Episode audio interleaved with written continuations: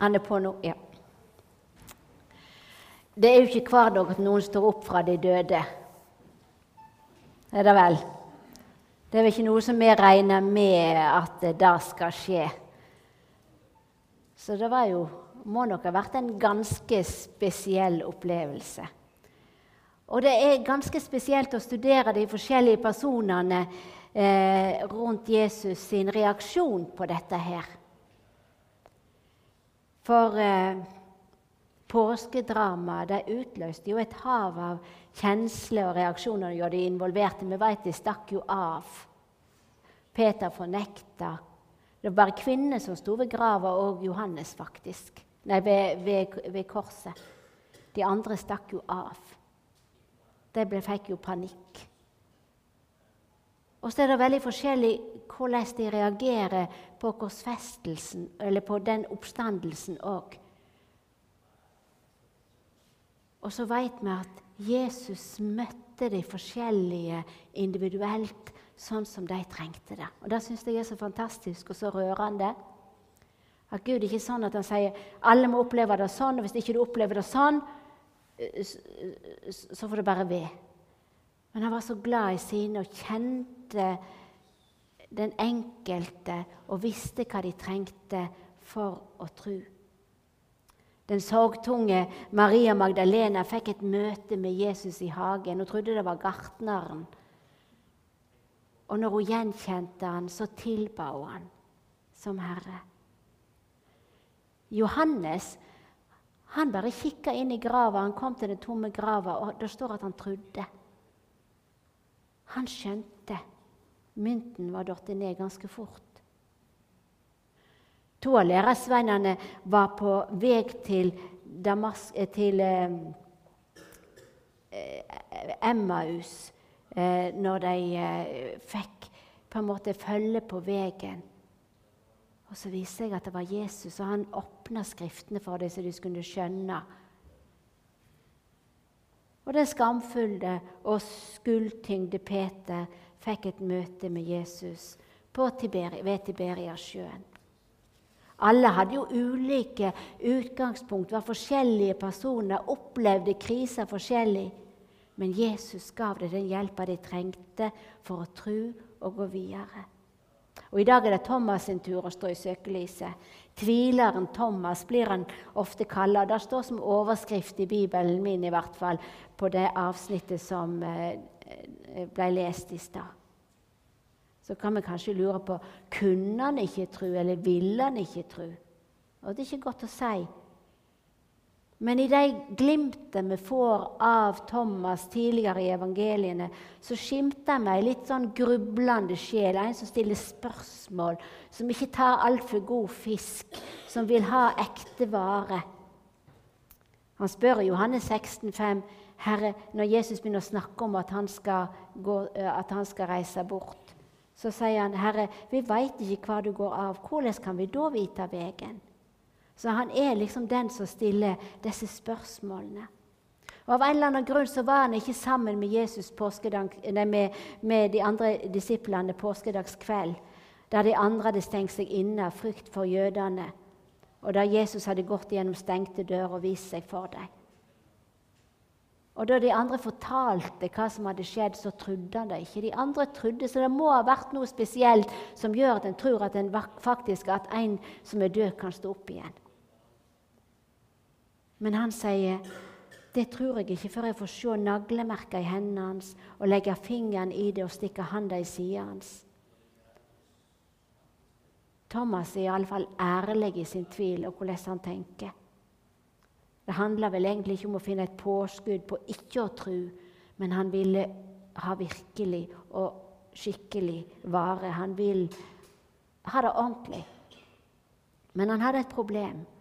For han sleit med å tro det han ikke hadde sett. På en måte satt han litt fast i alle disse spørsmålene sine. Og så er det så fantastisk at akkurat her er det Jesus møter han.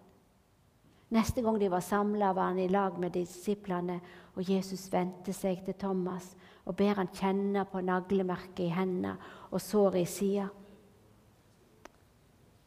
Jesus kom Thomas i møte og gav han det som han trengte for å tro. Og Thomas greide å legge ifra seg sin tvil og brøt ut i tilbeding og undring. Min Herre og min Gud, sier han. Det er kanskje noen skeptikere iblant oss her òg som ikke på en måte tror for de har sett, eller som kanskje har disse alvorlige spørsmålene. Og det er jo slik at vi mennesker er skrudd forskjellig sammen. og Det er sånn at Gud tenkt at det skal være òg. Vi har ulike erfaringer, ulike personligheter. For mange av oss har jo veien til en levende og trygg tro vært som en stille soloppgang. Vi har blitt båret inn i Guds hus som små, og så har vi blitt der. Og mer og mer har vi sett hva det vil si å være en kristen og eie livet i Gud. Og troa er ikke veldig problematisk i det hele tatt.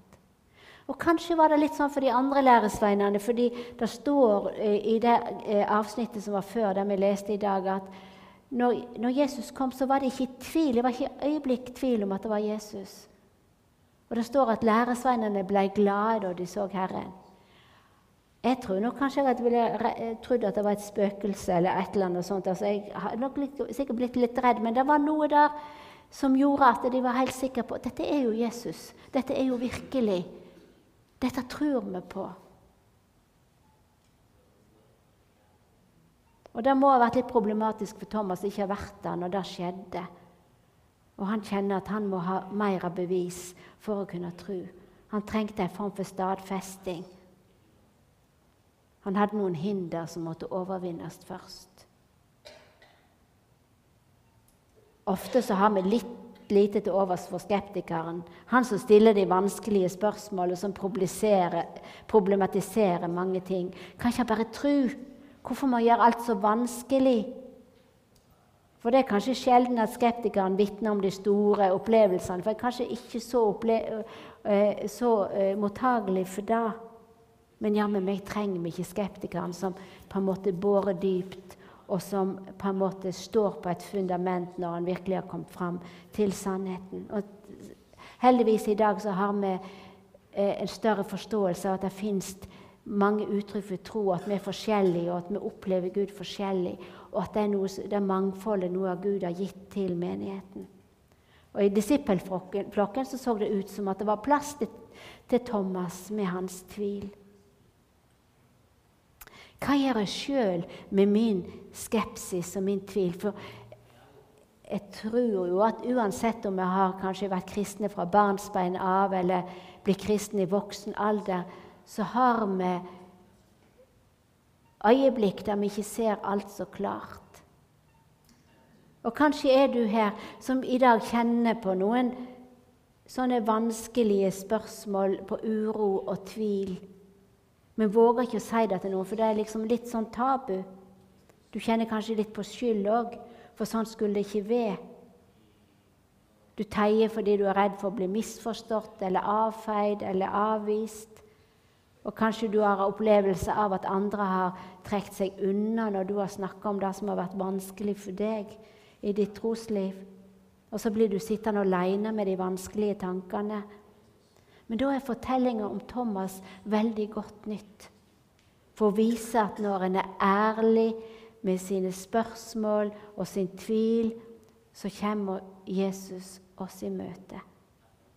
Han strekker ut hånda og hjelper meg til å tro. Vi ser en i disippelflokken som, som ikke ble med videre, og det var Judas. Fordi han, han, holdt seg ikke til Jesus. Thomas ble i fellesskapet med de vanskelige spørsmålene, og han fikk mot, på en måte møte, Jesus, møte den tvil. Jesus på en måte erkjente at her var det et problem, og så jo rett igjennom han, og så at det som bodde i Thomas, og møtte han, mens Judas For han vendte seg ikke til Jesus engang, og han ble borte. Men når vi sier tingene sånn som de er. Og det var jo da Thomas erkjente på et vis at sånn er det. Jeg kan ikke tro før jeg har sett. Så så Jesus da, og så møtte Jesus han akkurat der. Min Herre og min Gud, utbrøt Thomas. Og da var det mynten gikk ned hos han. Når han møtte Jesus. For møtet med den eh, oppstandende Jesus forvandler alt. Og det er helt typisk for det som skjedde i, i, i oppstandelsen og de som møtte Jesus. Ingen var i tvil om at dette var Jesus. Alle visste at dette er Jesus.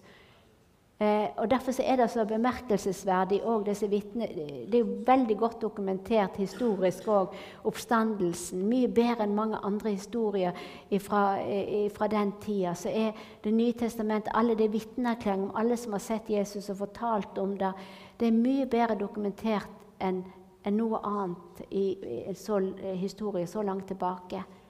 Og dessuten er måten de reagerer på når de har møtt Jesus, viser et, en glede, et håp som ikke bare kommer fra seg sjøl. Du får ikke så mye håp av et spøkelse, men etter en levende person som er oppstått, som lever, som spiser, som har naglemerker, som, men som er der. Det skapte tru hos deg som så det. Og en annen ting som også er bemerkelsesverdig, i den jødiske tro er en veldig sterk monoteistisk religion der de tror på én Gud. sant?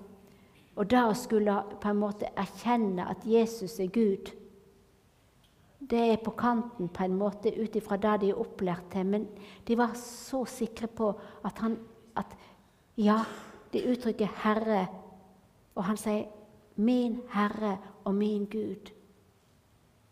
Han erkjente at Jesus var Gud, faktisk.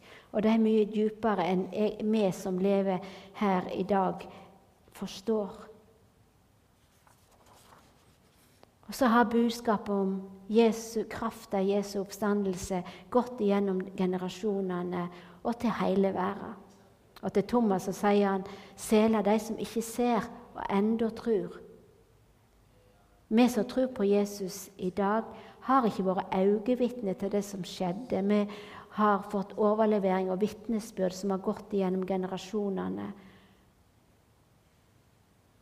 Men allikevel så opplever vi at det er reelt fordi ordet stadfester seg sjøl, og vi møter Jesus i vår tro.